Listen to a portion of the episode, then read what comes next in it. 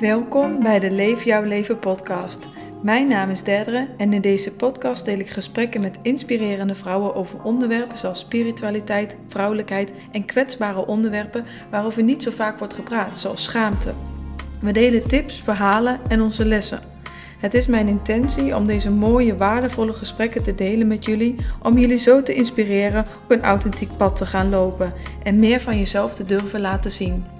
De titel van de podcast zegt het al: Leef jouw leven. Bedankt voor het luisteren en heel erg veel plezier.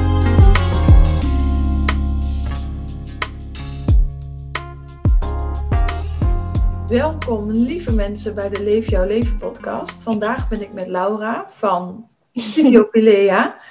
En um, Laura is onder andere yoga teacher. En uh, we zijn bij elkaar op het pad gekomen via een mastermind. Ja. En we kwamen eigenlijk aan het kletsen. Het was gewoon heel erg gezellig. En we hadden de gezamenlijke liefde voor yoga. Dus we dachten, laten we een podcast opnemen daarover. En eigenlijk hebben we net al uh, ons hele yoga-verhaal een beetje aan elkaar verteld. Maar we gaan het nu gewoon nog een keer uh, lekker over kletsen. Ja. Dus het um, lijkt me heel leuk om te beginnen met um, wie ben je en wat doe je? Nou, ik ben uh, Laura Louise van Studio Pilea. En uh, ja, wat doe ik? Ik doe eigenlijk heel erg veel. Ik uh, woon samen met mijn man in een heel klein uh, camperbusje. En momenteel zitten we in Portugal. En ehm, ja, wij leven vanuit, eh, vanuit onze bus. Omdat wij, ehm, nou ja, eigenlijk was het niet gepland. Maar eh, ja, zoals bij iedereen, het afgelopen jaar ging het bij ons ook even iets anders. Dus wij waren eigenlijk, hadden wij alles verkocht. Ons huis, ons spullen. En uh, zouden we gaan reizen. Mm. Dat hebben we vijf maanden gedaan. En toen kwam corona, dus toen moesten we terug. En toen zeiden we eigenlijk, voelden we heel erg duidelijk van... Ja, maar nog steeds... Uh, vijf maanden is natuurlijk een hele lange tijd. Maar we hadden we echt wel bedacht van... Nou, we zijn eigenlijk al twee, drie jaar weg. Um, ja, en in die vijf maanden ben je dan eigenlijk al zo erg veranderd. En uh, in de positieve zin. Mm. Um, dat we eigenlijk allebei zoiets hadden van ja, maar, maar het, het, avontuur is nu echt nog niet klaar. Vijf maanden was leuk, maar uh, we moeten iets anders verzinnen. Um, dus toen, ja, toen zeiden we echt, ja, dit, dit kan gewoon niet hier stoppen. Dit is, uh, en ik vroeg me sowieso, ja, eigenlijk vroegen we ons allebei wel af van ja, ja past een huis ons nu wel, zeg maar. Um, ja, of je hem überhaupt gaat vinden is natuurlijk al de tweede vraag. Maar we voelden ook heel sterk van ja, maar we willen dit eigenlijk nog niet. Want we weten helemaal niet waar we willen stranden of waar we uiteindelijk terechtkomen. We willen het eigenlijk nou, op zijn beloop laten gaan. En dat heeft ons het afgelopen jaar ja, wel echt heel veel mooie dingen gebracht. Dus um, ik, toen wij op reis waren, toen was ik ook al tekstschrijver. Dus ik uh, schrijf ook voor een aantal uh, bedrijven. En daarnaast heb ik natuurlijk een online yogaschool. En daar ligt vooral mijn passie. en dat, uh, ja, dat, kan, dat is natuurlijk super mooi om dat te combineren met zo'n vrij leven als uh, leven vanuit je busje. Mm-hmm. En uh, ja, dat is, dat is eigenlijk waar we het, waar we het komende jaar zeker nog geen afstand van gaan doen. Super bijzonder verhaal. Dat eigenlijk door corona je nu in het busje zit. Anders was je hier dus nooit geweest. Nee, dat was echt. Uh, en dan was het ook veel zwaarder geweest. Want um, uh, het hele digital nomad thing uh, is natuurlijk. ja, er zijn, er zijn hele cursussen die je kan doen om een digitale nomad te worden. Ja. Um, maar het is best wel pittig. Het is echt wel zwaar. Weet je, wij waren in Turkije, we zijn een maand geweest en drie maanden in India. En je moet maar wel elke keer weer je laptop openklappen en je werk gaan doen. En je hebt tijdsverschil. En nou, Rick, uh, mijn man, die werkte dan niet. Dus ja, die had heel veel zin om dingen te gaan bekijken. En ik werkte wel en ik was dan daarna een beetje moe. Dus ja. de, die vijf maanden waren echt heel intens.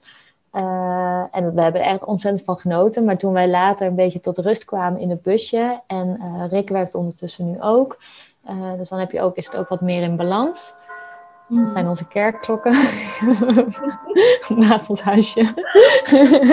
maar die, uh, um, ja, het is gewoon veel meer in balans nu. En dat is gewoon wel echt te gek. En, uh, en gelukkig kon ik dan nog het cadeautje meenemen van uh, de yogaopleiding uit India. Ja, dat was wow. net voordat, voordat corona kwam. ja, kon ik dat gelukkig nog doen en afmaken. Want waar heb jij je yogaopleiding gedaan in India? In uh, Khajuraho. Mhm. Van Aranta Yoga. En uh, ja, was ook alweer echt super. Oh, hij gaat nu tien keer trouwens. Elf keer. Oh nee, tien keer bij Elf jou. keer. Ja, tien keer hier. Ja. en hij gaat twee keer per uur. Oh, Maar- gezellig. Eh, ja, het is, heeft wel iets heel knus. Ja, Ja. Dat, eh, en ook wel, ja, je weet dan ook wanneer de dag begint of zo. Dat is ook wel grappig. Ehm, maar het was heel grappig, want ik weet dat eh, mijn tante, die heeft, eh, opleiding, eh, heeft de opleiding tot yogadocent gedaan. En ik denk dat ik een jaar of 15 was of zo, dat zij die heeft gedaan. Dus nou, dat is al 14 jaar geleden.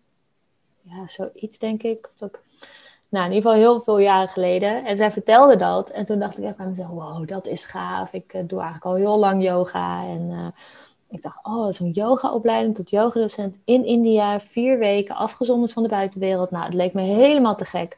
Mhm. En eh, dat ben ik dus eigenlijk nooit vergeten.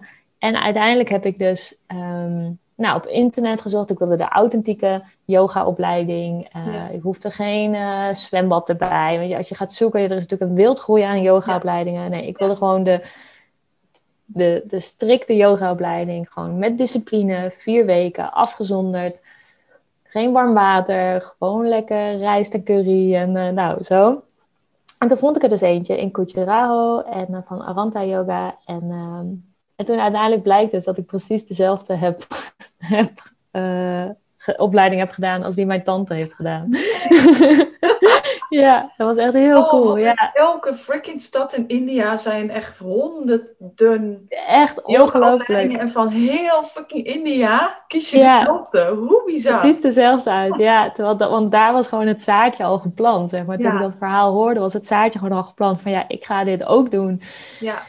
En dat, ja, dat was echt wel te gek. En, ehm, en dat was ook echt, dat was een hele, hele mooie vier weken. Want ehm, los van natuurlijk alle kennis die je kreeg, ik was daar ook echt helemaal voor mezelf. En wij waren natuurlijk, eh, eh, wij zijn in september 2019 getrouwd. En toen zijn we een maand later op reis gegaan. En dus we waren eigenlijk net, nou ja, vier maandjes eh, getrouwd. En toen ben ik een maand alleen de asgram ingegaan. En Rick is een Mhm. maand alleen gaan, gaan reizen. Wat ook heel waardevol was voor ons Ja. allebei. Want ja, het is echt super leuk om elkaar na vier weken dan weer te zien. Het voelde echt alsof je. Ja, alsof je. Het was heel gek. Het was echt. We hadden allebei helemaal vlinders in ons buik. En Rick was me helemaal opkomen halen met een scooter. En ja, het was echt helemaal te gek. Dus dat was echt. eh, ja, hoe vaak zie je elkaar nou vier weken niet als je al wel eh, samen woont en getrouwd bent. En, eh, ja, dus het was echt een hele waardevolle maand. En ja, vond ik echt. zou ik ook echt zo weer doen. Ja. Ja. Ja, super herkenbaar. Ik zou het ook zo weer doen. Ik ben ook naar India geweest. Ja. Rishikesh dan wel. Ja. Ook koud water, eh, curry's voor ontbijt. Eh, trouwens, Ja. hebben, we, we hebben wel een paar keer pasta en in één keer hamburgers voor ontbijt gekregen. Voor Want ze wilden dan wel westerse dingen maken, maar alleen voor ontbijt. Want als Oh, je ja. het s'avonds eet, is dat eigenlijk heel slecht voor je, zeggen hun.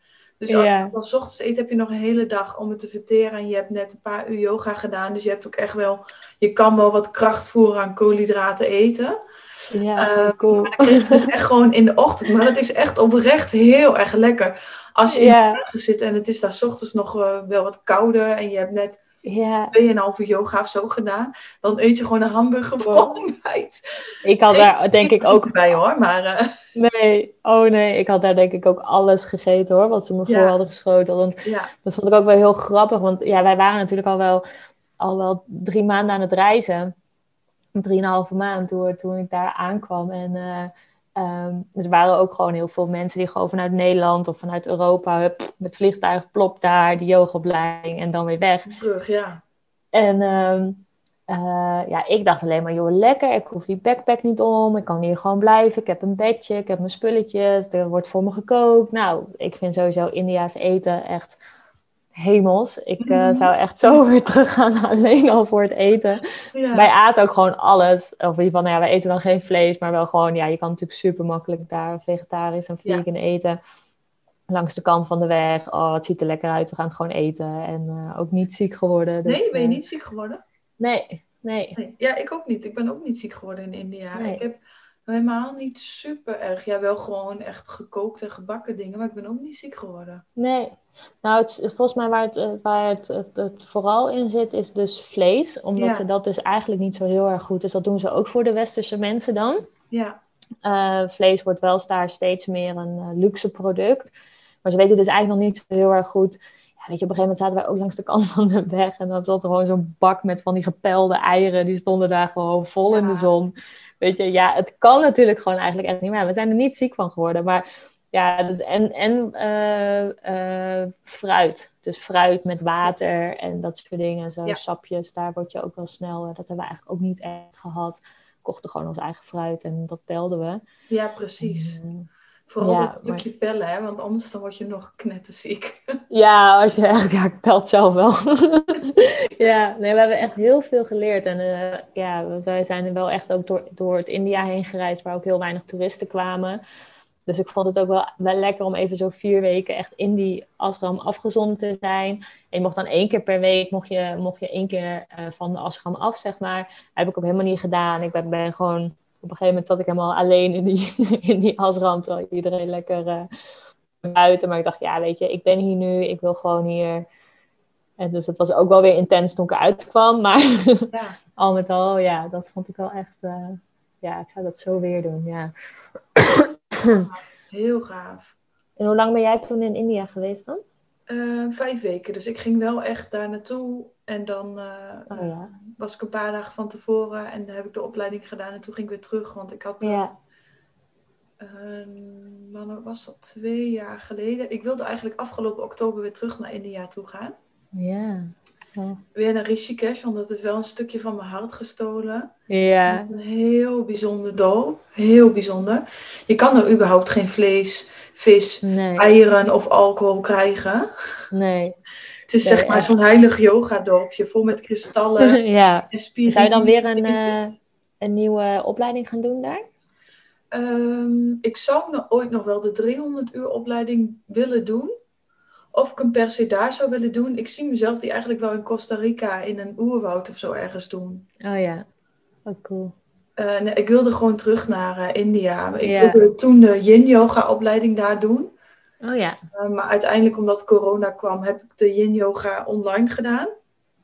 Oh, Bij um, uh, Cassandra, Yoga with Cassandra heet ze op YouTube. Maar ik heb eigenlijk zelf ook yoga geleerd via YouTube. Ik ben ooit begonnen met één filmpje. En ja. ik ben nooit meer gestopt. En ik heb mezelf eigenlijk een soort van uh, self-taught yogi. Ja, en mooi. toen ik de opleiding ging doen, um, was het na vijf jaar of zoiets de eerste keer dat ik überhaupt lessen volgde. Oh, echt joh? Um, dus dat is wel, uh, ja, ik heb weer een ander yoga verhaal. Ja. maar wel Ja, maar ja, ik denk ook wel dat, dat, dat YouTube en filmpjes, dat dat ook wel voor veel mensen, zeg maar, de, um, ja, de basis dat daarin ligt. Ik heb zelf ook uh, yoga met Adriana, uh, ja. natuurlijk een hele populaire. Alleen op een gegeven moment miste ik wel de. Um, en wat ik dus heel erg bij die. Um, nou, wat ik vertelde. Zal ik dat even opnieuw vertellen? Ja, de yoga. Even yoga. Hoe is yoga ja. op gekomen? Nou, hoe is yoga hij dat net? Gekomen? En dat was echt een heel cool verhaal. Dus. Ja, dat is wel echt heel gaaf. Ja, dat was. Um, uh, nou, ik deed eigenlijk ook altijd al wel yoga, al wel van al, toen ik al best wel jong was. Uh, yogamatje gekocht en nou, toen, de, toen deed ik maar wat. Nou, op een gegeven moment kwam YouTube natuurlijk, begon ik ook een beetje met filmpjes kijken. En um, een gegeven moment ging ik lessen volgen bij een yogaschool en bij, uh, uh, op de sportschool. Maar eigenlijk miste ik altijd wel uh, ik ben best wel spiritueel opgegroeid uh, met mijn moeder. En ik miste gewoon een bepaalde, ja, een bepaalde diepgang. Ik denk niet dat ik toen echt kon benoemen hoor, wat ik miste. Maar ik, merkte wel dat ik, nou, ik vond het inderdaad altijd wel lekker. Ik voelde me daarna altijd wel goed. Maar toch miste ik nog wel nou, een soort verdiepingsslag of zo. En uh, ik heb journalistiek gestudeerd. En toen ik afgestudeerd was, ging ik uh, werken bij een communicatiebureau. En uh, nou, dat, dat, dat moest eigenlijk heel erg um, nou ja, iets zijn waar ik ja, waar ik heel blij mee moest zijn, want ik had een baan gevonden binnen de journalistiek. Nou, dat is al, al wel super lastig. En toch, ik heb daar ja, meer dan, ik denk dat ik 2,5 jaar daar gewerkt heb. En ik ben mezelf daar wel een beetje verloren. Mm. Uh, dat ik gewoon alleen maar dacht van... Hm? Op wat voor manier ben je jezelf verloren? nou ja, wat ik leuk vond en waar ik... Uh, uh, ik ben er best wel onzeker weggegaan, omdat... Uh, nou, dat, dat, ja, dat was ook wel een beetje wat er steeds gebeurde. Van uh, steeds het gevoel hebben dat je niet goed genoeg was. En uh, weinig als er wel iets goed was gedaan. Weet je, ik, ik was echt kwam net van de opleiding af. En uh, ja, had wel wat te leren. Tuurlijk had ik wat te leren. Maar nou ja, uiteindelijk denk ik het grootste deel wat ik had te leren, dat was dat ik heel goed voor mezelf kan zorgen. En nou ja, wat jij ook al zei laatst over die human research, dat. um, ja, ik ben niet een 9 tot 5 uh, eh, meisje. En ik ben heel creatief en ik ben heel sociaal. En dat kreeg ik ook altijd te horen. Maar ja, dat moest wel eigenlijk een andere. Ja, dat moest gewoon op een andere manier moest ik dat gaan invullen voor mezelf. Mm. En toen um, hadden wij al wel een beetje bedacht, nou, we gaan reizen. Dat stond dan wel op de planning. En dan zou ik nog wel een jaar hier gaan werken. Want ik had ondertussen een vast contract gekregen. Nou, dat is natuurlijk al helemaal een balhalla. Daar moet iedereen super, super blij mee zijn. En ik dacht, mijn hemel, nog een jaar hier. En uh, eigenlijk met die energie ben ik uh, toen ik naar een terras gegaan. En ik zat daar en ik was aan een kopje koffie. En ik was eigenlijk een beetje aan het, aan het stoom aan het afblazen. En toen uh, zat er iemand naast mij. En dat was Ria. En die zei, eh, ja, sorry, maar ik moet toch even tegen je zeggen. Maar ja, ik hoor jou nu zo praten over de flow en de happiness. En dat je daar wel graag voor zou willen schrijven. En ja, ik, ik ben yogadocent en ik zoek eigenlijk al heel lang iemand die voor mij wil schrijven. Nou ja, dat was echt een begin van een samenwerking. Uh, maar zij gaf mij ook het vertrouwen van, uh, ja, waarom ga je niet voor jezelf beginnen? Of waarom ga je niet een tekstbureau beginnen? Of waarom ga je niet, ja, wat zijn jouw verlangens eigenlijk? En dat is wat zij ook wel heel vaak, waar zij mij heel erg bij geholpen heeft, dat ze heel vaak zei, maar ja, wat wil jij nou? Want wat, wat maakt jou nou blij? Wat, waar word jij nou gelukkig van? En um, nou, ik mocht mee op retraite en dan ging ik voor haar schrijven daarover. En uh, dat doet zij in Spanje. Ja, en dat was te gek. Die week was echt um, was yoga, maar ook um, ja, allemaal intuïtieve opdrachten, schrijfopdrachten, knutselopdrachten. Om allemaal maar die, ja, die verlangens naar boven te krijgen. Mm. En ik had ondertussen ontslag genomen bij, de, bij, de, uh, bij het andere werk.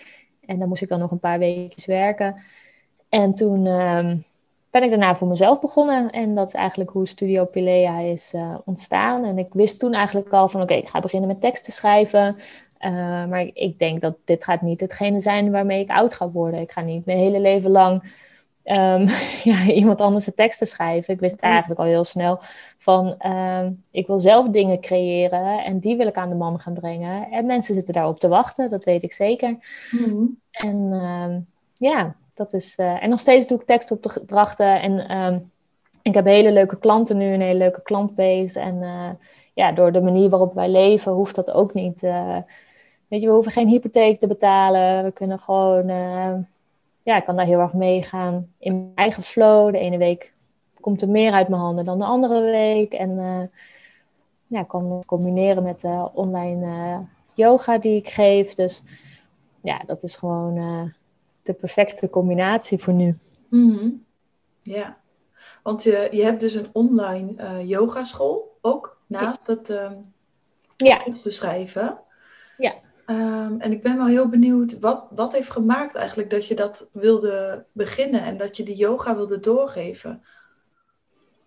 Uh, ja, omdat ik gewoon wel heel erg geloof dat yoga is gewoon voor mij gewoon echt een levensstijl. En dat is niet het uurtje yoga wat je doet Ehm, in de week in een sportschool.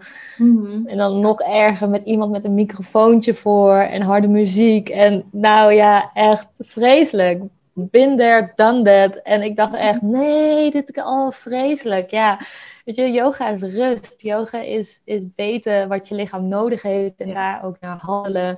Uh, dus dat je, uh, als je moe bent, dat je je lichaam te rusten geeft. Dat je dat je het strekt, dat je het energie geeft. Maar het gaat nog zoveel verder dan alleen het lichamelijke stukje. Weet je, dat uh, een harmless life proberen na te streven. Weet je, dat, ja, weet je, het zal ook echt niet altijd lukken. En het is, dat is ook wel wat ik heel erg bij de opleiding heb geleerd. Van, weet je, je, je doet gewoon met elkaar je best hier op deze aarde. En je probeert er wat van te maken. Maar als iedereen zijn best doet, als je goed bent voor jezelf, ben je ook goed voor een ander. En mm, ja En dat merkte ik heel erg toen ik daar bij de yogaopleiding wegkwam. Die ben ik dus toen gaan doen, omdat ik uh, ja, ook door de yoga-docent, door Ria, uh, gewoon heel erg steeds meer merkte van ja, dit is gewoon mijn pad en dit is wat ik wil. Maar ik wil wel de. Het ging maar niet eens per se om het papiertje. Ik heb het diploma ook nooit in ontvangst genomen, want uh, mijn naam klopte er niet op. Dus ik zou hem ooit nog een keertje krijgen. Maar oh, ja. nou ja, weet je, dat is een garantiebewijs, dat, dat heb ik niet nodig, dat is prima, weet je wel. Maar uh, ik wilde gewoon de kennis hebben en de kennis die erachter zit. En dat vind ik gewoon heel erg interessant. En ik dacht, ja, dat wil ik doorgeven, want ik geloof gewoon dat heel veel daar baat bij kunnen hebben. En um, zeker ook de manier waarop wij nu leven met, um, ja, weet je, als je, als je minimaal nodig hebt, ben je gewoon veel sneller gelukkig. En als je weet wat, wat jou gelukkig maakt, dan... Um, ja, dan, dan ben je denk ik halfway. En ik geloof wel dat yoga daarin voor veel mensen een, een, ja, een, een ommekeer kan zijn. Van, oh ja, als ik dus regelmatig... Um, weet je, soms zeggen mensen, ja, ik heb daar geen tijd voor. Ja, dat is dan het grootste probleem wat je eigenlijk op dat moment hebt. Als jij daar geen tijd voor hebt, dan gaat er ergens iets gewoon niet goed, vind ik. Mm dan denk ik, ja, dan moet je ergens moet je tijd voor vrijmaken. En dat betekent ook dat je Weet je, yoga is ook niet alleen fysiek wat je op je matje doet. Het is ook uh, een lekkere, uitgebreide, gezonde maaltijd die, uh, die gewoon je lichaam en je ziel uh, voedt. Of een lange wandeling maken of een goed gesprek. Ja, eigenlijk alles wat je gewoon met je bewustzijn doet, ja, valt voor mij onder de yoga-filosofie. En het bewustzijn van welke woorden gebruik ik, hoe reageer ik. Nou, als dat allemaal heel gepikeerd is en heel, uh, ja, heel, heel prikkelbaar bent, dan betekent dat je eigenlijk weer ja, terug naar de basis moet. En mm. Gaat mediteren of gaat yoga gaat doen of al doe je een ademhalingsoefening, dan uh, ja. Mm. Eigenlijk alles wat je een beetje terugbrengt naar die staat van rust. Ja, ja mooi ja. gezegd. Ja, precies.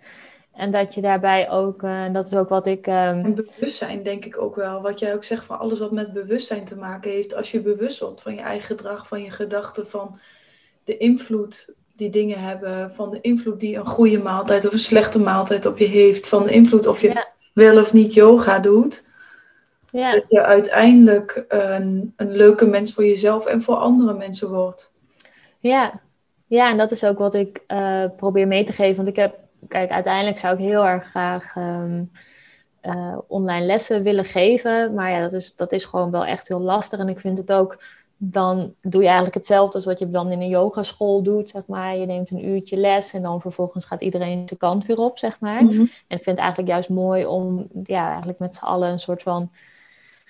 Uh, ja, pad te gaan bewandelen. De cursus heet ook um, Start Your Yoga Journey. Omdat het mm. gewoon, ja, omdat ik geloof dat als je ermee begint, dat er dan uh, een lange reis is en dat er nog ja. veel meer op je pad gaat komen. Ik weet. Uh, ja, en dat je daarbij. Maar wat jij hebt meegemaakt, dat je dan ineens zo'n yogalerares naast je zit op het terras en ineens zegt: Hé, hey, ik zoek iemand. Weet ja, je? ik heb jou nodig. Staat en je hebt je ogen niet open of je bent niet op het juiste moment ingegeven. Nee. Ik heb een kopje koffie op het terras en ik ga het gewoon doen maar ja. je gaat gewoon de hele dag doorwerken, dan komen die dingen ook niet op je pad. Nee, precies. En je moet daarvoor moet je ook stilstaan. En daarvoor ja. moet je ook af en toe om je heen kijken. En daarvoor moet je ook door een, uh, soms door een shitty periode heen. Want um, ja, weet je, het werk was echt prima en de mensen waren heel aardig. Maar het, het, de match was er gewoon eigenlijk niet. En nee. um, ik weet ook dat ik daar wegging en dat zij aan mij vroegen, maar wat ga je doen dan? En dat ik ook letterlijk zei van ja, ik weet niet wat ik ga doen ik weet, maar ik weet eigenlijk ook niet of dit eigenlijk wel het werk voor mij is. En ik zou misschien wel wat met yoga willen doen. Dat weet ik ook nog dat ik dat toen gezegd heb. En mm. um, uiteindelijk um, heeft dat zo zich super mooi geopenbaard. Maar ik heb daarvoor wel in het diepe moeten springen. En heb, want ik had geen baan. En natuurlijk, ik had een, een, een vriend die uh, verdiende. Dus we zeiden, ja, weet je, het komt wel uit. En ik zei, weet je wat, ik ga gewoon voor mezelf beginnen. En als het uh, lukt, dan lukt het. En als het niet lukt, nou, dan lukt het maar niet. En um, mm-hmm. dan kan ik altijd weer stoppen. En dan kan ik altijd weer uh, bij de Kamer van Koophandel aankloppen en zeggen, nou, ik heb het geprobeerd, maar uh, we doen het toch niet. En dat, um, heeft natuurlijk nooit, dat heeft nooit gehoeven.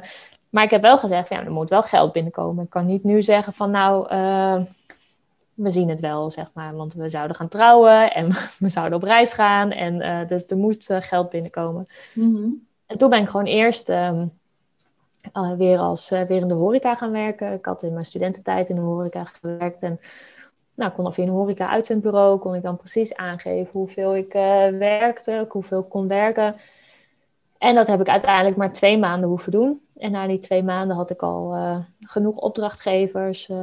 Dus toen dan nog als textueel. En toen heb ik van mijn eerste salaris, van mijn eerste geld wat ik had verdiend, heb ik de yogaopleiding vastgelegd.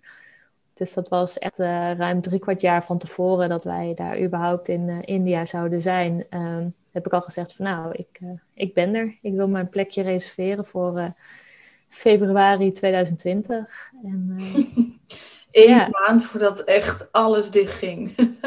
en ja, echt, ja. En als, zelfs dus mijn yogadocent zei dus nog van... Maar ik dacht nog, toen je terugkwam, dacht ik... Maar ze heeft me mooi wel dat papiertje. Zo, ja, nou, dat zeker, weet je. Ja.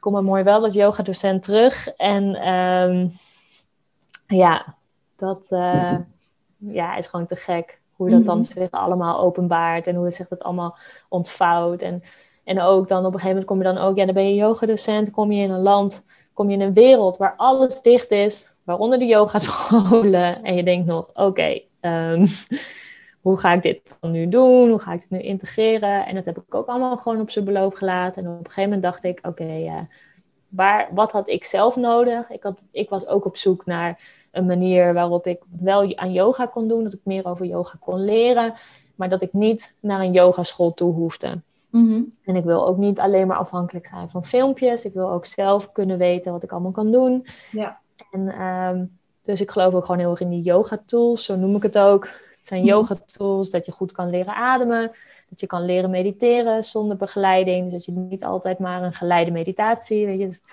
ja, net als uh, fietsen met zeilwieltjes. Op een gegeven moment moeten die gewoon weg. Op een gegeven moment moet je gewoon zelf gaan fietsen. En, uh, en dat je gewoon meer weten hebt over yoga flows en hoe je die dan intuïtief kan volgen. Dat je weet van, nou ja, ik heb hier behoefte aan of ik heb hier behoefte aan. Dus Laagdrempelig. Een, uh, een intuïtieve begeleiding um, die je terugbrengt bij hoe kan ik zelf yoga gaan doen ja, echt hoe kan ik het integreren? En wat ik ook heel erg terugkrijg van de deelnemers, die zeggen ook van ja, um, ik was eigenlijk op zoek naar een soort van uh, ja, laagdrempelige uh, tools om, om mijn eigen yoga te gaan doen. Maar wat ik eigenlijk vooral geleerd heb, is dat ik daarin heel zacht en heel lief voor mezelf mag zijn, zeg maar. Mhm. Dat je, weet je, je denkt dan, ik ga elke dag yoga doen. Als ik dan s ochtends opga, dan ga ik yoga doen en dan ga ik mediteren en dan ga ik dat allemaal doen. Ja, en dan kom je vervolgens ook maar gewoon in het dagelijks leven, waarbij je de ene dag heb je er meer zin in dan de andere dag. En de ene dag gaat het beter dan de andere dag. Ja, dan geloof ik, dan kan je beter maar tien minuutjes iets doen in plaats van dat je 30 minuten loopt te zwoegen en dat je dan met een gefrustreerd hoofd van de mat afstapt en dat je dan uh, zegt van nou, uh, dit was het. Ja. Uh, maar dan is 10 minuten ook weer beter dan 0 minuten. Ja. Dus dat je ook daar. Dat vind ik ook altijd wel een mooie. Die is me ook altijd nog bijgebleven. Van het begint eigenlijk pas wanneer je van de mat afstapt. Kijk, je kan een uur helemaal pannen en zen daar liggen. En daarna in de auto ja. van de eerste beste iemand snijdt je af en je flipt. ja je kan in die staat van rust blijven en een soort van blijven observeren in de plaats van erin opgezogen worden. Ja, inderdaad. Ja, dat geloof ik ook. Want ik geloof dat wat je, wat je op de mat leert of wat je op de mat tegenkomt, ehm, ja, dat dat gewoon een weerspiegeling is van hoe je ehm, de hele dag door bent. En dat je bijvoorbeeld ehm, jezelf dwingt om in hele moeilijke poses te gaan staan. En uh, in plaats van dat je jezelf de rust geeft en de tijd geeft om naar zo'n houding toe te werken. Of mhm. dat je uh, ja, een beetje show-off. Wat ik heb meegemaakt op, op de yogamat en wat ook echt typerend voor mij is, was eigenlijk, het is wel langer geleden, is dat ik een blessure heb opgelopen. Omdat ik heel oh. snel van allerlei hele uh, intense dingen wilde doen.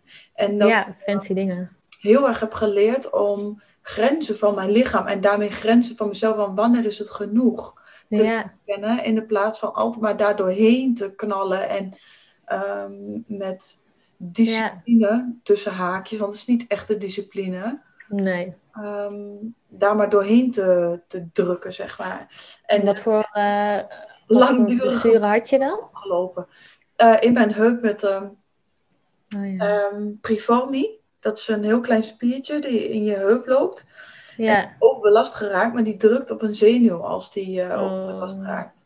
Ja. Dat doet pijn. Dus net zoals dat uh, heel veel mensen in de lotushouding, zichzelf in de lotushouding ja. drukken. Oh, dat krijg je zo. Dan krijg je ook, en kan je echt, ja, dan kan je echt blijvende schade kan je daarvan krijgen. Ja. Ja, ja. ja dat is grappig, want dat heb ik, heb ik dus helemaal niet. Ik heb helemaal geen, uh, uh, geen drang en uh, ik kan de hoofdstand, maar uh, ik kan hem het beste als ik gewoon hem uh, tegen de muur aan kan doen of zeg maar zoiets. En nou, misschien kom ik er ooit dat ik hem helemaal los kan doen. En, maar dat is ook niet de yoga-docent die ik wil zijn. Ik wil Mhm. juist um, ja, laten zien dat het voor iedereen is en dat het voor de girl next door is. En dat je. Ja. Je hoeft al die dingen niet te kunnen, tuurlijk niet. nee, Het, is gewoon, die. het, het vertelt je wel iets over jezelf. Het Ja, vertelde mij heel erg over. Het liet me eigenlijk gewoon weer spiegelde op de mat. ja, Hard en hoe grenzeloos ik in mijn leven ook was. Naar mezelf toe. ja. Ja, van ik moet daar kunnen komen. En, uh, en ik heb het ook wel met vlagen hoor. Dat ik dan ook wel denk van, uh, oh ja, moet ik dat dan ook niet? En um, ik denk natuurlijk dat Instagram daar ook gewoon een groot en gevaarlijk onderdeel in is. Dus ik heb er daar ook wel heel erg voor mezelf in besloten van ja, ik ga dat ook niet mooier maken dan dat het is. Ik laat gewoon de houdingen zien die juist voor iedereen zijn. En uh, weet je, voor sommige mensen is een, is een boomhouding al een uitdaging, omdat je balans moet houden. En um, weet je, dat, dat, ja, dat vind ik dan ook alleen maar, dan denk ik, ja, ga daar lekker in oefenen. en uh, zorg dat je, dat je je balans goed hebt, omdat je... Maar ja, het is inderdaad wel mooi wat je zegt, want dat, dat merk je natuurlijk ook als je zo... Oh ja, dat was ook wel heel grappig. Ik, ik, kwam daar dus als eerste aan op die, op die yoga-opleiding, omdat um, nou, wij waren er al ruim op tijd en uh, Rick die was ondertussen weg. Um, en ik zat alleen in het dorp en ik dacht, nou ja, ik ga maar gewoon alvast daarheen, want uh, er is een tuk-tuk genomen en die kant op. Dus ik was daar als allereerste. En toen uh, zat ik daar en toen kwam de hele bus met allemaal mensen die natuurlijk vanaf het vliegtuig, vanaf het vliegveld kwamen. En ik weet nog dat ik zo'n moment had dat ik echt dacht, oh nee, ja, nou, nu ga je het natuurlijk krijgen. Ik loop al 3,5 maand in dezelfde outfit, want ja, ik ben gewoon op reis en ik heb uh, helemaal geen, uh, geen fancy yoga broeken en yoga topjes en alles mee en zo. En ik dacht, nou ja, oké, okay, nou, ik loop hier natuurlijk de komende vier weken nog steeds als een zwerver bij. en uh, want iedereen was natuurlijk helemaal opgedirkt van, oh ja, we gaan de, we gaan de yogaopleiding doen. En toen was het eerste wat wij kregen, waren allemaal uh, uniformen. Oh, dus iedereen wow. kreeg gewoon een... Uh, ja, dus het was, ja, het was echt heel strikt. Dus iedereen kreeg een stuk in India sowieso heel groot. Uh, oude Engelse kolonie. Dus iedereen heeft uniformen, ook op school en die dingen en zo. En dat was zo cool. Het was zo cool om dus die hele groep met allemaal kleuren en allemaal identiteiten aan hun outfits... Um, ik even goed, want ik, ik dacht ook echt van, oh nee. Maar ja, waarschijnlijk ben ik de enige die er heel blij mee was. Maar ik dacht, oh wat heerlijk. Iedereen was gewoon gelijk. Iedereen was hetzelfde. Iedereen had twee witte broeken, twee uh, t-shirts. En, en dat was het. En wat je eronder aan had, dat mocht je allemaal zelf. Je, je yoga topjes of uh, mocht er allemaal eronder. Mm. Maar um, ja, dat was heel grappig. Daardoor werd er echt een... Um, ja, je identiteit werd echt eventjes um, daar in ieder geval van je weggenomen. En, uh, mm. en dat was ook best wel confronterend. Er waren ook echt mensen die dat heel confronterend vonden. Ja.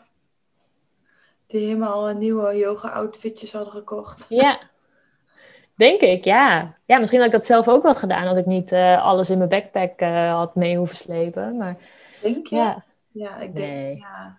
Nee. Niet, maar... Ik had het ook niet echt hoor. Ik heb gewoon, uh, ik had gewoon mijn uh, chille kleding. Weet je hoe koud het daar werd s'nachts? Dus ik dacht, ja. uh, ik neem lekkere warme dingen mee. Ja. Maar ik weet ook wel dat het kwamen inderdaad. Het was echt heel heet daar. Het was s'nachts heel koud. Ja. En de dag heel heet. Maar wij mochten ook absoluut niet um, korte topjes, korte broekjes. Dat was Nee. allemaal echt, dus überhaupt in India eigenlijk je schouders zijn ook niet de bedoeling in een hemdje. Nee.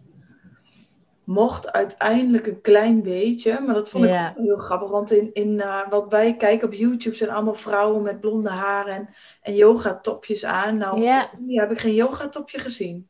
Nee, nee, nee. Nee, en dat vind ik ook wel het coole aan. eh, ehm, en dat is ook wel wat ik probeer. eh, ja, wat ik ja, net al een beetje zo gekscherend zei, maar de mensen die yoga geven in een yogaschool met een microfoon en, en kom op en eh, nog even verder, power yoga, al die dingen en zo. Ja.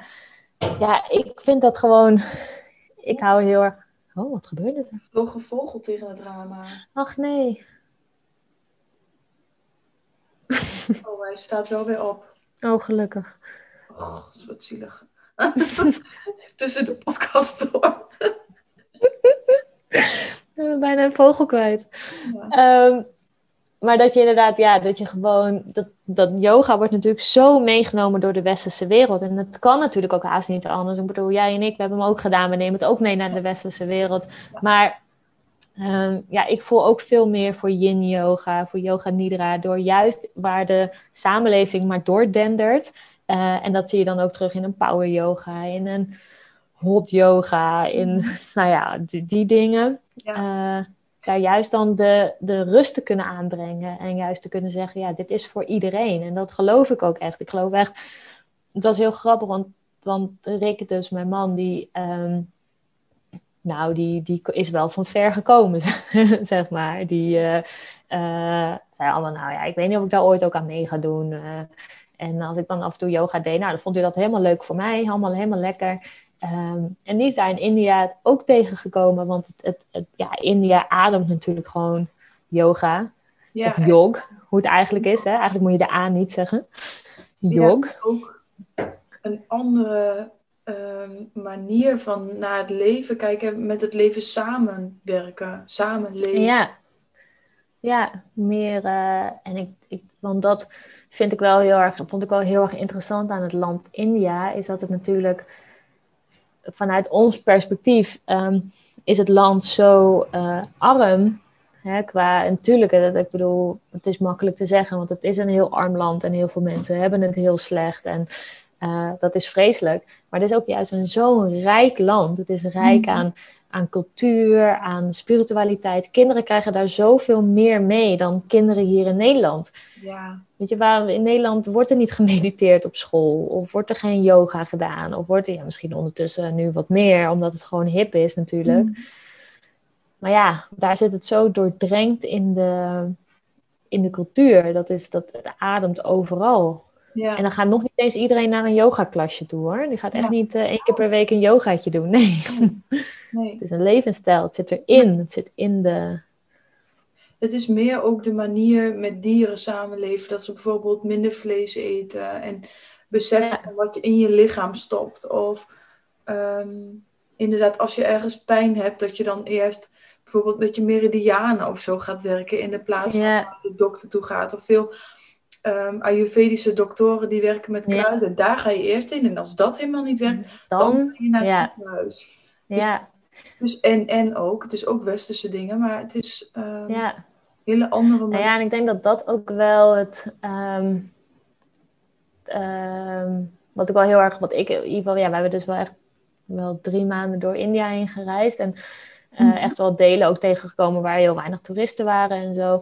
En wat ik daar wel heel erg hoopvol vond, was, hoopvol aan vond, was dat het ook ehm, eh, heel veel families waren we tegengekomen, waarvan ook de dochters nu eh, van de jongens dan al heel goed Engels spraken. Want die gingen eigenlijk allemaal naar een Engelse school dan tegenwoordig. Hmm. En dan eh, de meisjes mochten ook naar een Engelse school. Nou, dat is echt in India is dat echt een, nou, een heel groot big ding natuurlijk. Is dat gewoon. ehm, dus er komt een hele nieuwe generatie aan of zo. Dat, Ja. dat geloof ik heel erg. Ja. Alleen ja, dan gaat natuurlijk gewoon echt jaren gaat dat duren voordat dat land wat meer. eh oh, de zon komt echt even super mooi binnen bij jou. Ja, ik zag het al. Wauw. Ja. Ja.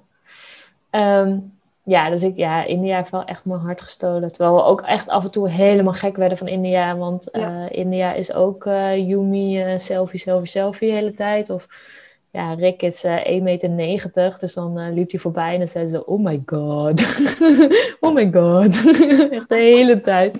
Dat was echt heel grappig, maar ja, uh, op een gegeven moment werden we er ook helemaal een beetje hol en dol van, dus we ja. op een gegeven moment ook wel, oh, ja.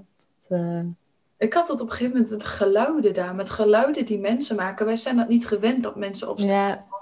keihard hun neus legen of... Ja, um, ja ik, dan is zo'n yoga-dorp is ook heel erg, gaat ook heel erg over je lichaam schoonhouden. Bijvoorbeeld, ja. we hadden achter onze yogaschool wonen gewoon allemaal mensen. Oh, echt? En uh, ja, het, het, was echt midden in een dorpje. Het was gewoon ineens een heel hoog gebouw.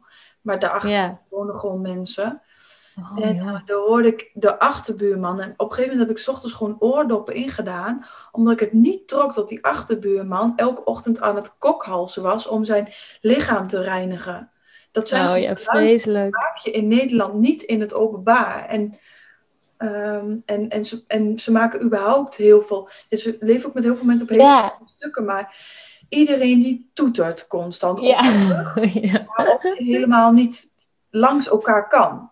Maar nee, gewoon doorduwen. Schreeuwen, koeien, uh, geluiden, geuren. Het is echt uh, van alles. En soms is dat... Ik vond het heerlijk. Ik, ik, uh, ik weet nog dat ik aankwam op het vliegveld en dat ik echt moest huilen. Omdat ik echt dacht van, oh, ik ben in India en ik voel me zo thuis. Oh my god, en, op een twaalfbaan snelweg als een mogol. Ja. Maar ik voelde me gewoon niet onveilig. Of, nee. nou, ik vond het heel fijn en die jengelmuziek aan. Ja, oh Maar na een maand dacht ik ook wel van, kan iemand gewoon even een keer stil zijn? Ja, maar wij hebben daar dus ook wel, wij hebben daar heel veel gecouchsurfd. Dus dat je echt bij Oh, mensen ja. thuis slaapt, zeg maar. Ehm, en het zijn ook allemaal hele toffe mensen die dat doen. Het zijn hele, eh, hele ja, open-minded people, zeg maar. En daar hebben we ook echt, nou, daar hebben we dus ook natuurlijk ook echt, ja, India gewoon, het India-India gezien. En zij vertelde ons ook van, ja, er is gewoon geen er is in Indiaans gewoon geen woord voor uh, personal space, zeg maar. Dat is daar gewoon niet. Nee. Want er is gewoon geen personal space in India. En uh, op een gegeven moment waren wij uitgenodigd voor een, voor een bruiloft. Nou ja, dat is natuurlijk al sowieso al echt een big deal. En uh, nou, die vriendengroep waar we ondertussen dan een beetje bij hoorden. En er zat een, een meisje in, een vrouw, en die zei: ja, Jij moet een sari aan we gaan naar een trouwerij, jij moet een sari aan. Dus ik zei al een beetje van, ja, weet je, het lijkt me echt wel leuk om een sari aan te trekken. Maar ik ben hier nu anderhalve maand. Ik weet wat ik met mijn blonde haren en mijn blauwe ogen überhaupt al aantrek, zeg maar. Dat is al sowieso al een... Als ik dan ook nog heel veel wit vlees ga laten zien, ik weet het gewoon niet zo goed of dat zo goed. Nee, dat kon allemaal wel, zei ze. nou, uiteindelijk ik, ik, zou, ik, nou ja, ik had gelukkig heel goed naar mijn gevoel geluisterd. Dus uiteindelijk liepen wij gewoon in een kurta pyjama. Dat is eigenlijk gewoon, ja, zeg maar zo'n legging met zo'n groot, uh, uh, beetje jurk eroverheen, zeg maar. Heel gesloten natuurlijk. Nou, ze vonden het helemaal te gek, want zij wisten dat... Uh, zij wisten dat wij getrouwd waren. Nou, en als je dus getrouwd bent, dan moet je dus eigenlijk helemaal opgedorst en al je sieraden. Dus ik liep er veel te underdressed, liep ik erbij. Maar wij kregen een aandacht op die bruiloft. Niet normaal. Dat zelfs die vrienden in het Hindi de hele tijd tegen hun moesten zeggen: laat ze even een beetje met rust. Laat ze, uh, zij gaan niet trouwen, hè? Zij gaan trouwen. Daar, daar moet je. Dat echt, wij kregen zoveel aandacht dat wij gewoon. Nou ja, een, een, een, een Indiase bruiloft duurt echt tot zes uur in de ochtend. Met allemaal rituelen en geen gefeest hoor. Het zijn allemaal gewoon een, een shitload aan rituelen. Nou, wij zeiden echt om één uur waren we helemaal leeggetrokken door al die aandacht, maar. En lekker eten. Maar wij zeiden op een gegeven moment, zeiden we, ja, waar wachten we nu op dan? Nee, nu gaan we wachten totdat het uh, bruidspaar zes keer om het, uh, om het vuur heen gaan lopen. Nou, wij trekken dat niet meer. Want dat zou echt nog vier uur duren of zo, voordat we dan mm -hmm. dus zes keer eromheen zouden lopen. Dat zou dan het, ja, te gek natuurlijk. Ik bedoel, dan zou dus het bezegeld zijn. Dan zou ze pas echt getrouwd zijn. Maar dan ben je dus al twee, drie dagen onderweg. echt te gek. Maar wij waren helemaal leeg. En ik was zo, zo blij dat ik geen sari had aangetrokken. Want dan, nou, dan was het echt nog... Dan was ik denk ik om negen uur er al af geweest. Ik was blij ja. dat ik gewoon mijn eigen kleren aan had. En af en toe deed ik dan ook gewoon een sjaal zo. Aan je zitten? Ja, aan je zitten. En... Uh, ja, ook wel af en toe dat, eh, ehm, dat, eh, dat mannen ook gewoon ja, te, te funzig naar je kijken, zeg maar. En dat, uh, dat Rick ook gewoon zei, ja, respect. Want de word respect kent iedereen, ook in India. Mhm. En ehm, dus dat, ja, dat was dan het enige. Maar dan had ik dat zelf eigenlijk niet helemaal door. Dan zag Rick dat meer. Ehm, en dat is ook wel weer ja, schijnend is niet helemaal het goede woord. Ik bedoel, ja, ze moet uiteindelijk ook wel. Maar ehm, vanuit de pornografie, wat daar natuurlijk ook gewoon wordt gekeken. Ehm, maar er is geen, geen Indiaanse pornografie, zeg maar. Mm. Ehm, maar er is alleen maar westerse pornografie. Dus uh, ja, als jij niet goed bent opgeleid of als jij niet de juiste normen en waarden hebt meegekregen op dat gebied, of helemaal, ja, er wordt gewoon niet over gesproken natuurlijk. Het is allemaal heel erg, oeh, allemaal niet dan heb je dus wel het idee dat elke westerse vrouw uh, ja, behoorlijk graag wilt en uh, alles maar doet. En heel, uh, weet je wel, ja. Dus, hij, dus ja, dat, dan snap ik het. Ik snap het land dan ook ergens wel weer. En ik snap ook wel weer, maar ja, weet je, het is natuurlijk niet. Je moet ze een beetje kennis bijbrengen dat dus niet elke vrouw zo gewillig is. Maar ja, dat is gewoon het rare aan het land. Weet je, aan de ene kant zijn ze zo open en vrij en zijn ze met iedereen uh, gaan ze in gesprek. Ehm, maar aan de andere kant, ja, het loopt op die gebieden natuurlijk ontzettend achter. Ja. ja. Want heb je je wel eens onveilig gevoeld?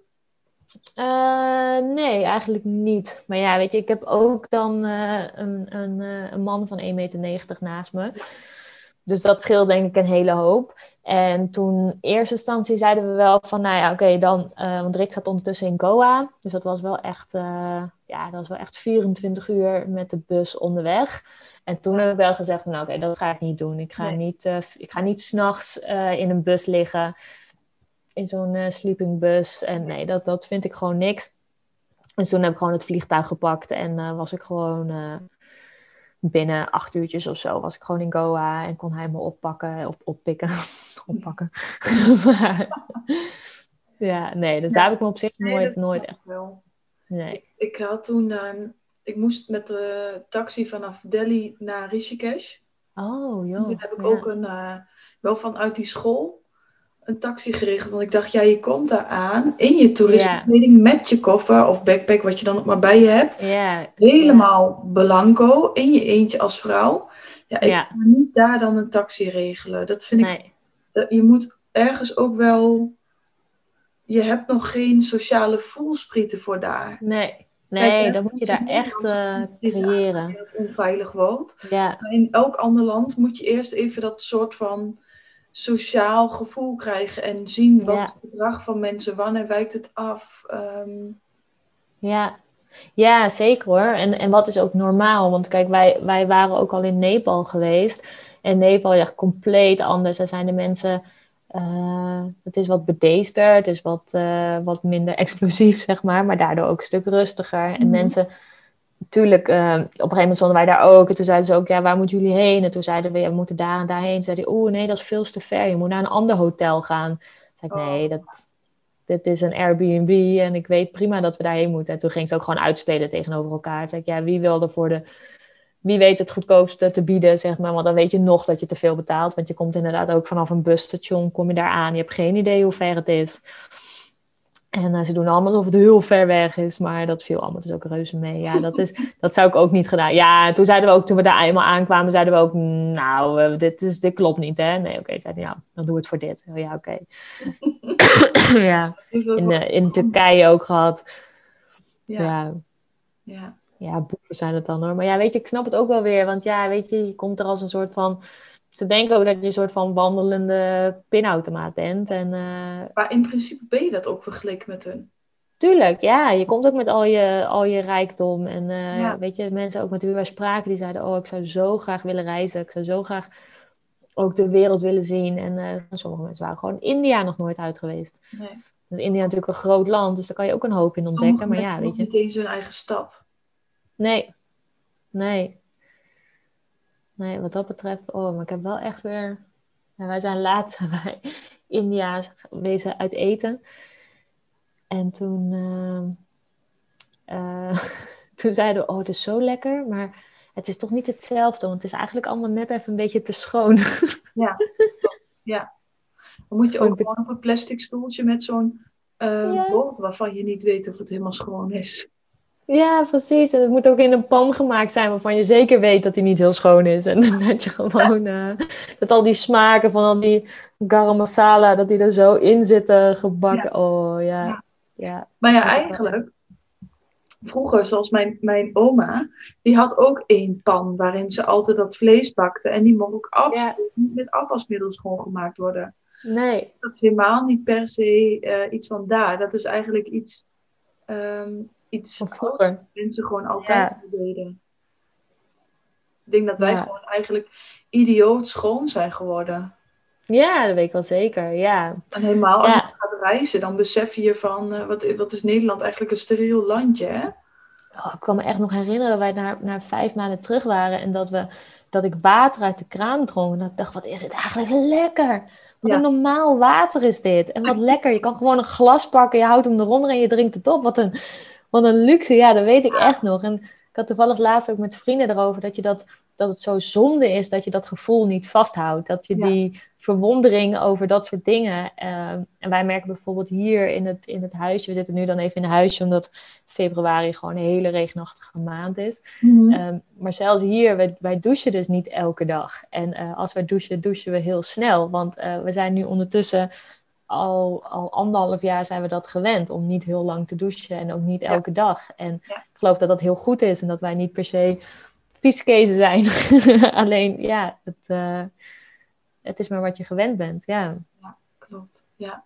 ja.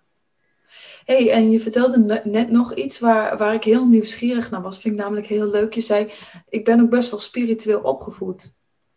Ja, eh, mijn ouders zijn gescheiden. Ik zie alleen, ik zal even snel mijn, ik pak even snel mijn oplader van mijn dat? Ja.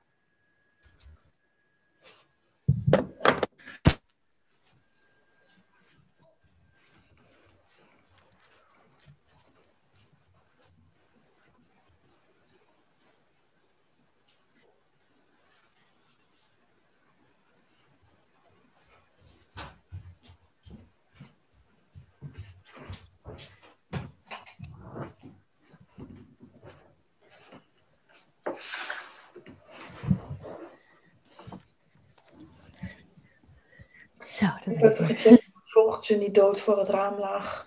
Oh, We is zijn de dood? luxeflexen. Nee, hij is er niet meer. Dus hij is gewoon. Oh, gelukkig. Maar we zijn de luxeflexen aan het ehm, spuiten. Oh, ja. Dus er hangt nu even niks voor. En de ruimte is blijkbaar te helder. Dus ik ga dus Iets te... voorhangen. Vind ik Oh, leuk. nee, zo zielig. Ja. Oh. Hij heeft waarschijnlijk alleen een hersenschudt misschien. Hij, hij is heel goed op de grond gevallen. Dus het ging denk ik zachtjes. En hij wist op tijd eh, terug te komen. Oh, dat is een goede piloot. Ja. Maar je Eh. vertelde van, eh, ik ben best wel spiritueel opgegroeid. Ja, ehm, ja mijn ouders zijn, zijn gescheiden toen ik vier was. En ehm, eh, nou, eigenlijk allebei eh, ja, wel christelijk opgevoed, maar verder niet meer ehm, daarin eh, iets gedaan. Ehm, en vooral bij mijn moeder merkte ik, of merk ik nog steeds wel, dat zij wel altijd wel, ja, daar toch wel dan iets naar zocht. Of ehm, ja, nieuwsgierig. Ja, ik denk, eh, zoals we allemaal misschien op een bepaalde leeftijd daar wel meer ja, in gaan zoeken.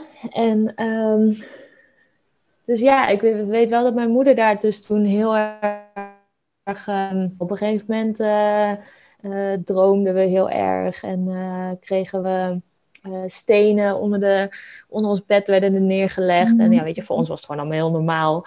En, en op een gegeven moment, dat, dat hielp ook. En op een gegeven moment ehm, eh, hielp dat niet meer. En toen gingen we kijken onder het bed. En toen waren ze bijvoorbeeld gebarsten. Oh, dat er bij eentje zat een barst erin.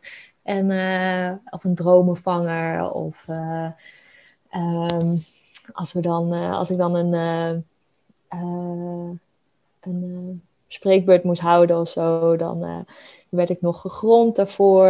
En moest ik in een stoel, op een stoel op de, op de woonkamer zitten. Ja, dan weet ik echt, dan ging mijn moeder dan nou. En dan ging ze helemaal zeg maar, een soort van stulpje om me heen zetten. Zo van dat ik dan in al mijn kracht kon staan om dan mijn, mijn, uh, mijn spreekbeurt te gaan houden en zo. En ehm, ja, dus dat was altijd wel.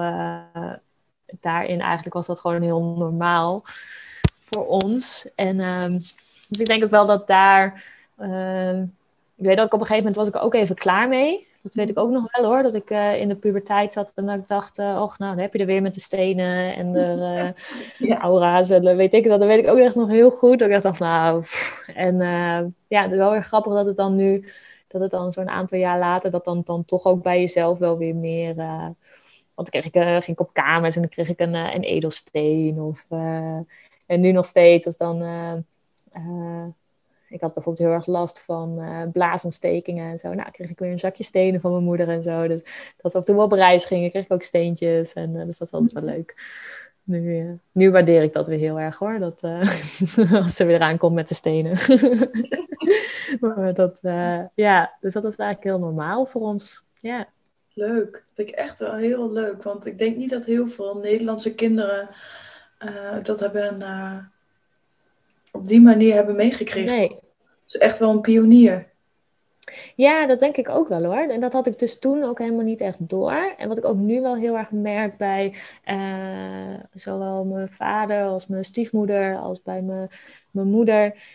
Um, dat ze het ook heel inspirerend vinden wat we doen. En mm. Daarin was ik vroeger ook al dat ik merkkleding interesseerde me niet. Ik wilde gewoon, ik had gewoon uh, tweedehands kleren vond ik prima. En, en, nog steeds. En dat vind ik hartstikke leuk om daaruit te zoeken. Vintage kleren. En um, nou, dan deed ik op een gegeven moment deed ik dan weer zo'n project waarbij ik dan dus maar uh, eh, 33 kledingstukken mocht hebben. Nou ja, nu oh heb ik nog veel minder. en het gaat nog hartstikke goed, zeg maar. Um, en dan vonden we dat we, en ja, dat, dat is wel echt, dat merkte ik wel heel erg bij, uh, dus bij mijn ouders. Dat ze dat eigenlijk allemaal wel heel inspirerend vinden. En ook uh, dus niet. Um, voor jezelf beginnen. Ik kom eigenlijk helemaal niet uit een, uit een familie met ondernemers. En uh, ja, als ze dan ook vragen, ja, gaat het goed? Kun je rondkomen? En zo. En dan ik, ja, ik kan juist precies rondkomen. Dat is mm. precies wat we willen, zeg maar. We willen precies gewoon geld hebben om leuk te kunnen leven, om te kunnen sparen. dat vinden we allebei heel belangrijk hoor. We, we, we, geven, ja, we geven niet meer uit dan wat we hebben. En er moet ook gewoon uh, geld voor later moeten zijn. En als je al die dingen doet, dan, ja, dan heb je niet meer nodig dan dat. En waarom zou ik me dan uh, helemaal over de kop gaan werken, zodat ik nog meer heb? Dan ga ik nog meer spullen kopen en heb ik, heb ik nog meer verantwoordelijkheid voor spullen en heb ik nog meer, uh, ja, meer stress en heb ik meer, ja, meer, meer, meer, meer. En ja, ja dat, dat wil ik juist niet. Nee. En dat, dat merk ik wel dat, dat inderdaad bij de generatie van mijn ouders. Um, wat ook heel logisch is. Ik bedoel, zijn natuurlijk uh, na de oorlog geboren. Of dan van ouders die de oorlog wel hebben meegemaakt. Dus die hebben, komen gewoon uit een hele andere... Je gaat gewoon van 9 tot 5. Als je een goede baan hebt, dan is dat fijn. Dan wil je daar zo lang mogelijk blijven. En, ja, veilig. Uh, is veilig. Ja, je moet zorgen dat je een huis hebt. Je moet zorgen dat je een goede auto hebt. Je moet zorgen dat je je studie hebt. Dat je... Ja. ja. Ja, dat is gewoon een hele andere. En ik denk ook dat het voor sommige mensen dat wel kan zijn. Maar het gaat denk ik meer om de vraag: wat maakt jou gelukkig? Ja, dat denk ik ook. Ja, want ik vind daarin ook niet, want dat, dat, dat vind ik ook wel lastig. Um, ja, voor ons is dit echt de manier van leven. En wij zijn ook, uh, wij hebben ook natuurlijk vrienden om ons heen die niet zo leven. Uh, en daarin is ook geen goed of fout. Want dat, dat zou ik echt het allerergste vinden als je zegt, ja, hoe jij leeft is niet goed en hoe jij leeft is ja. wel goed. Of ja. zo. Want dat, zo werkt het natuurlijk niet. En dat is wel het, de valkuil wat mensen hebben als ze um, op een andere manier leven dan andere mensen. Dat je dan een soort gaat prediken van, uh, ja, kom allemaal naar deze manier van leven. Ja, nee, zo mm-hmm. werkt het niet. Kijk, voor ons, wij zijn, wij werden al, ja, wij werden altijd al wel een beetje als beknibbelaars weggezet, zeg maar. Omdat wij gewoon, ja, weet je, ja, wij deden voor, we doen voor 50 euro boodschappen per week. Dat doen we nog steeds. Dat gaat hartstikke goed. Ja, weet je, dan, dat is, dan, dat is ook een sport voor ons. We worden daar gelukkig van. Wij zijn voor 2000 euro zijn wij getrouwd. Hebben een superleuk feest gehad. We zagen er allebei super mooi uit. We hadden met al onze creativiteit hebben we het hele feest georganiseerd en de hele dag georganiseerd. Er was genoeg eten, genoeg drinken. Um, maar niet doorsnee. Alleen ja, daarin lag heel veel werk bij ons, zeg maar. We mhm. hebben daar daar hebben we ontzettend veel plezier aan gehad. Maar ja, als je daar geen plezier uit gaat halen en het alleen maar doet omdat je dan maar voor 2000 euro kan trouwen, ja, dan werkt het weer niet. Dus dat... Nee, nee, precies. Het gaat heel erg over, past het bij jou? Wat wil jij? Waar word jij gelukkig van? Ja, dat is ook... Uh... En ik denk ook als iedereen dat zou doen, als iedereen zich dus alleen maar bezig zou houden met van oké, maar wat maakt mij gelukkig? Ja. Uh, dat je dan al, al dat je dan al met z'n allen zoveel verder bent, zeg maar. Mhm. Natuurlijk, er zijn ook mensen die gelukkig worden van dingen die heel vervelend zijn. Maar ik denk dat het grootste gros gewoon... Ja, mensen willen gewoon gelukkig zijn. Dat is gewoon... Ja, ik denk dat je als je echt naar binnen gaat, en daar helpt yoga denk ik ook heel erg mee, met naar binnen gaan en voelen en in je lichaam gaan, in plaats van in je hoofd. Ja is dat je vanuit die plek, vanuit die zuivere rust, zeg maar, nooit iets wil wat andere mensen pijn kan doen. Nee. Omdat dat een hele andere staat van zijn is, waarvanuit je dan dingen gaat doen en voelen en, en, bekijken en observeren. En als je je eigen pijnpunten hebt geheeld, of als je je eigen, uh, ja, je eigen littekens uh, onder ogen ja. komt, en dat je ziet van waar komt, dat je eigen patronen ontkennen. ja, dan is het zo anders. Ja, dat geloof ik ook hoor. Ja. ja. En dan is het nog nooit af, want uh, hoe cool wat je volgend jaar in godsnaam kan gaan doen. Oh, kijk er wel naar uit. ja. ja. Ja, want we hebben wel weer, ja, ook weer gewoon ook, ook um, wat ik net zei over de balans is gewoon zoveel mooier. En uh, ja, wij leven dus echt in een heel klein camperbusje. Die hebben we toen ook wel gekocht, omdat we zeiden van, nou, we willen gewoon kijken of dit wat is. En nu weten we dat dit wat is hebben we echt binnen no time een super mooie camper gemanifesteerd. Die wij echt, wij zagen die camper en wij dachten, wow, dit is hem. Dit is gewoon, we kwamen er binnen en we zeiden allebei, wow, dit is echt wel dat we nog geen enkele andere camper hadden gehad. Ehm, en toen zijn we dus een beetje gaan kijken. En toen op dezelfde avond kreeg ik een berichtje van een meisje via Instagram. Die zei, joh, jullie hebben zo'n leuk camperbusje. Is dat nou wat? Is dat nou leuk om zo te reizen? Want het is echt heel klein. Uh, je kan er niet in staan, je, kan, je hebt er geen tafel in, je hebt, uh, het is gewoon heel klein met heel veel buiten. En toen zeiden we, nou ja, um, het is echt te gek. Ik kan het nog steeds iedereen aanraden. Alleen ja, weet je, met werken en zo heb je af en toe wel gewoon een normale tafel nodig. Um, dus we zeiden, ja, eigenlijk ja, um, ja, als jullie interesse hebben, dan, dan zouden we onze auto wel aan jullie willen doorverkopen. Mm -hmm. Nou, zei ze, ja, nou, dat lijkt me eigenlijk wel wat. Dus nou, in het maart uh, gaan we weer even terug naar Nederland. Zij gaan onze auto bekijken. Wij gaan onze nieuwe camper bekijken. En het is echt binnen twee dagen of zo was dat helemaal, helemaal in orde. Dat was echt bizar, omdat we dat eigenlijk helemaal niet verwacht hadden. Maar ja, het gaat zo goed met de bedrijven. Het gaat zo goed met Rick's bedrijf. Ja, we hebben gewoon een, een soort rijdend kantoortje nodig. En dan wel weer in onze eigen stijl. En uh, ja, dus dat is ook wel weer, ja, dus aankomend jaar nou ja, wordt weer helemaal vol met verrassingen. Dat weet ik nu al. Ja, dat is weer, dat vind ik ook heel leuk om zo in het leven te staan. Van, uh, ik laat me gewoon verrassen wat er op mijn pad komt in de plaats. Ja. Uh, na maart gaan we dan hierheen rijden en dan daarheen rijden. Dat kan ook. Ja, voor mensen kunnen daar heel veel veiligheid. Wat er nog, nog, ook nog op je pad wil komen. Ja, ja, wij laten dat heel erg open. Omdat wij dus inderdaad ook wel door corona hebben dat heel erg geleerd. En op zich, toen we met de backpack aan het reizen waren, hadden we alsnog niet dingen vastgepland. We wisten alleen dat we in februari in India moesten zijn. En dat was eigenlijk het enige. Voor de rest hadden we dus nog niks vastgelegd. Maar um, ja, juist door ook, en ook niet door te zeggen van, oh, we zijn dan nu dan in Portugal, dat je dan van Barcelona, rij je dan naar Madrid en dan rij je naar Malaga en dan rij je naar Lissabon en dan rij je naar Porto, want dan heb je maar alle grote steden gezien of dan alle highlights gezien of wat dan ook. Ja, weet je, wij, er zijn zoveel mooie dorpjes, er zijn zoveel mooie plekjes waar je gewoon langskomt. En dan, we spreken natuurlijk heel veel mensen met de camper en dan zeggen ze, oh, zijn jullie daar al geweest? Mm, nee, eigenlijk niet. Maar zeggen jullie daar al geweest? Oh nee, daar heb ik nog nooit van gehoord. Ja, nou, ja is ook heel mooi. We zijn er hot water springs, uh, waren we tegengekomen, zijn we helemaal in ons eentje. Er was helemaal niemand door zo'n canyon heen gezwommen. Ja, weet je, dan denk ik, oh, nou, laat dan Barcelona maar stikken hoor. Ik uh, kijk de plaatjes wel. Ja, ja, ja. Ja, mooi. gewoon... Uh... mooi. Want als er nog één ding is om langzaam mee te gaan afronden. Als er één ding is wat je mee zou kunnen geven aan de mensen die naar deze podcast luisteren. Wat is dat oh. dan? Ehm, ja, volg je hart. Ja, daar zijn ze weer. Zo gezellig. Het is ook wel soms wel een beetje confronterend hoor. Dan denk je, oh, nou gaan ze nu alweer. uh, nu gaat hij wel 11 keer trouwens. Geef mij even de tijd om even na te denken over wat ik zou willen meegeven. Uh, ja, denk toch wel gewoon je intuïtie volgen, want dat, dat klopt gewoon of zo. Mhm. Als, ik, als ik niet mijn intuïtie had gevolgd, ik ben sowieso iemand die heel erg op onderbuik afgaat en niet meer, zeg maar. Echt eigenlijk, ja, soms kan ik een keuze ook niet echt onderbouwen, maar dan voel ik gewoon dat we dit gewoon zo moeten doen. En dan blijkt het uiteindelijk ook. En nou, na zes jaar relatie moet ik zeggen dat dus Rick ook ondertussen wel zegt: Ja, wat is jouw gevoel daarover dan? oké, ja, dan zit het wel goed. Ja, oké, ja. Ehm, ja, dus volg gewoon je hart en volg gewoon en volg niet de mainstream omdat het moet. Want dat zijn twee compleet verschillende dingen. Als jij voelt dat het goed is, is het goed.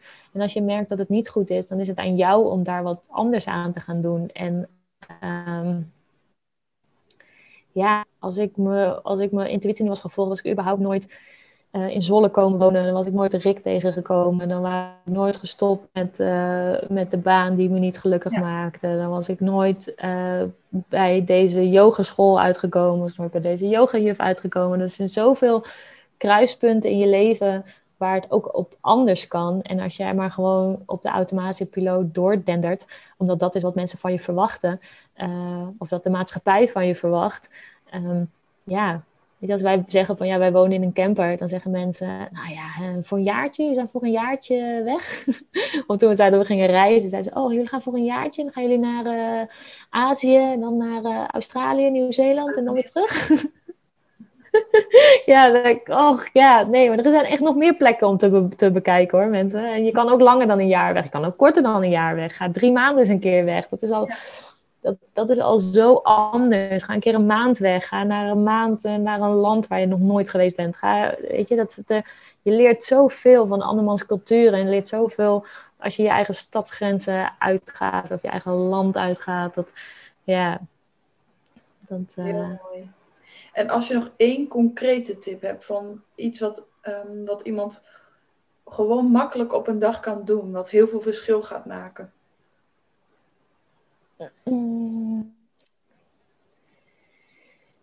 Ja, gewoon s ochtends eens een keer lekker je matje uit en ga gewoon zitten. En uh, ga bewegen, ga doen waar jij, waar jij diep van binnen voelt dat je moet gaan doen. Moet je mediteren, ga mediteren. Moet je diep in- en uitademen. Moet je je schouders bewegen. Wil je rechtop staan? Wil je zitten? Wil je liggen? Ga het eens doen. ga eens kijken wat daar voor mooie flow uitkomt. En er een boekje bij als je wat wil schrijven. Als je muziek wil luisteren, ga je muziek luisteren. Maar ja, kijk eens wat daarin naar boven komt. Ga gewoon eens zitten. Ik denk dat de mensen daar al uh, zich soms de tijd niet voor geven. Van ja, wat, waar heb ik eigenlijk behoefte aan? Echt letterlijk nu. Waar heb ik nu behoefte aan als ik nu hier zit? Ja, sluit je ogen eens en ga eens luisteren. En ja, Mooi, dankjewel. Ja, vond een heel inspirerend verhaal en uh, fijne rustgevende energie heb je. En ik denk dat dat ook je kracht is die je doorgeeft weer in de cursussen.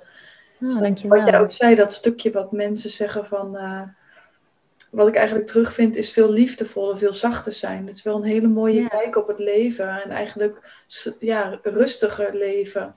Ja, nou, nou lief dat je dat zegt. Ja, dankjewel ook voor dit.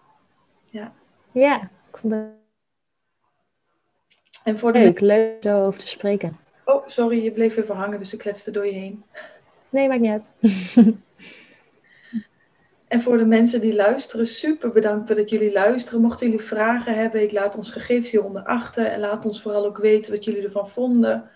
Ik vind het super leuk om te horen. En mochten jullie nog vragen hebben over dingen, laat het ons ook weten. Uh, Weer bedankt voor het luisteren. En tot de volgende aflevering. En dankjewel nogmaals. Ja, jij ook bedankt.